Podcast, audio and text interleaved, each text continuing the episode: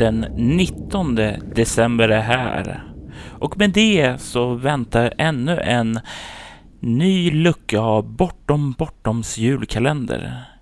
Idag får vi besök av den eh, av den alltid lika superba illustratören Daniel Thulin. I denna lucka så berättar han lite om sina erfarenheter av att teckna till Bortom och ser tillbaka lite grann på, på hans bidrag till spelet.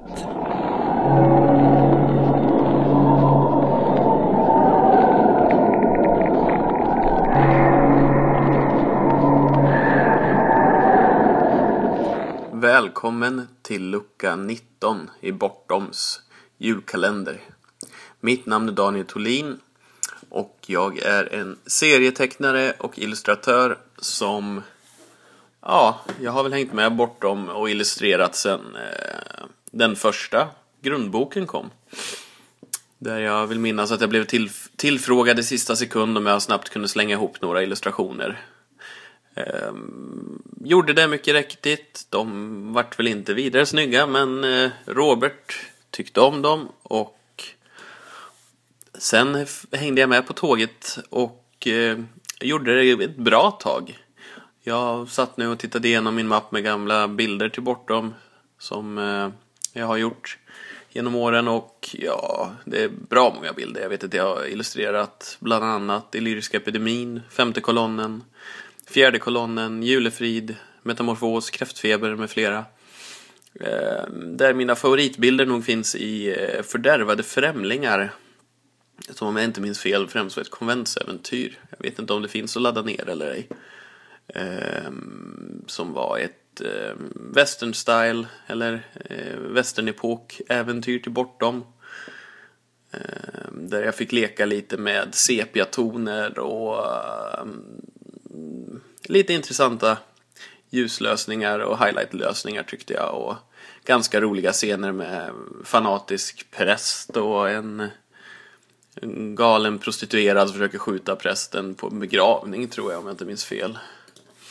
Eh, det roliga var att jag hade helt glömt bort de här bilderna ända tills jag började titta och insåg att det är väl de som jag är, tror jag är mest nöjd med att ta bortom.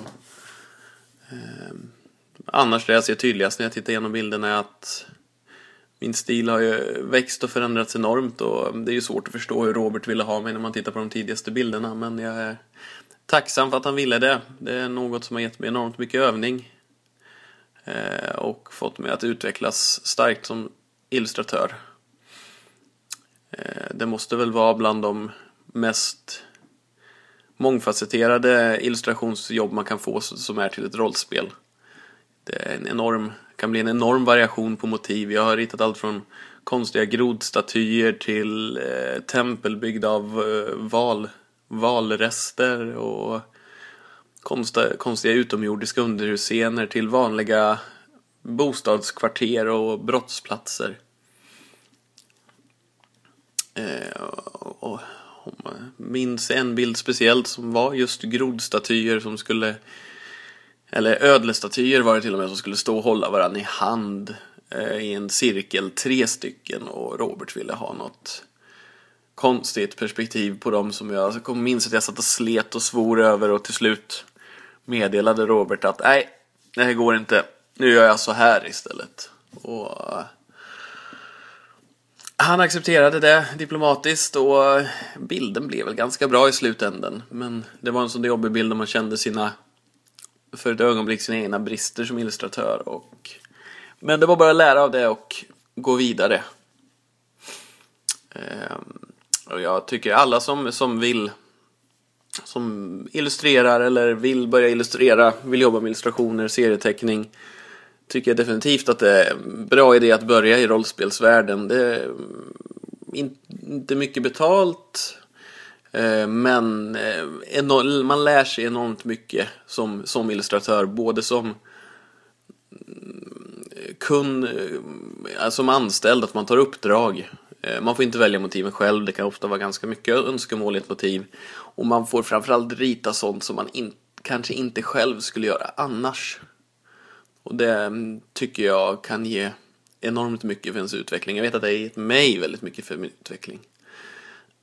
Tyvärr eh, ritar jag inte så mycket till bortom just nu. Jag har fått fullt upp med andra serieteckningsuppdrag men eh, det skulle vara väldigt roligt att framöver om tiden kommer att göra något gästspel igen. Ja, jag har nog inte så mycket mer att tillägga annat än att någon gång ska jag väl försöka provspela bort dem också som jag under mina år inte har hunnit göra. Och med det så vill jag önska god jul och gott nytt år till alla inbitna skräckrollspelsälskare. Tack!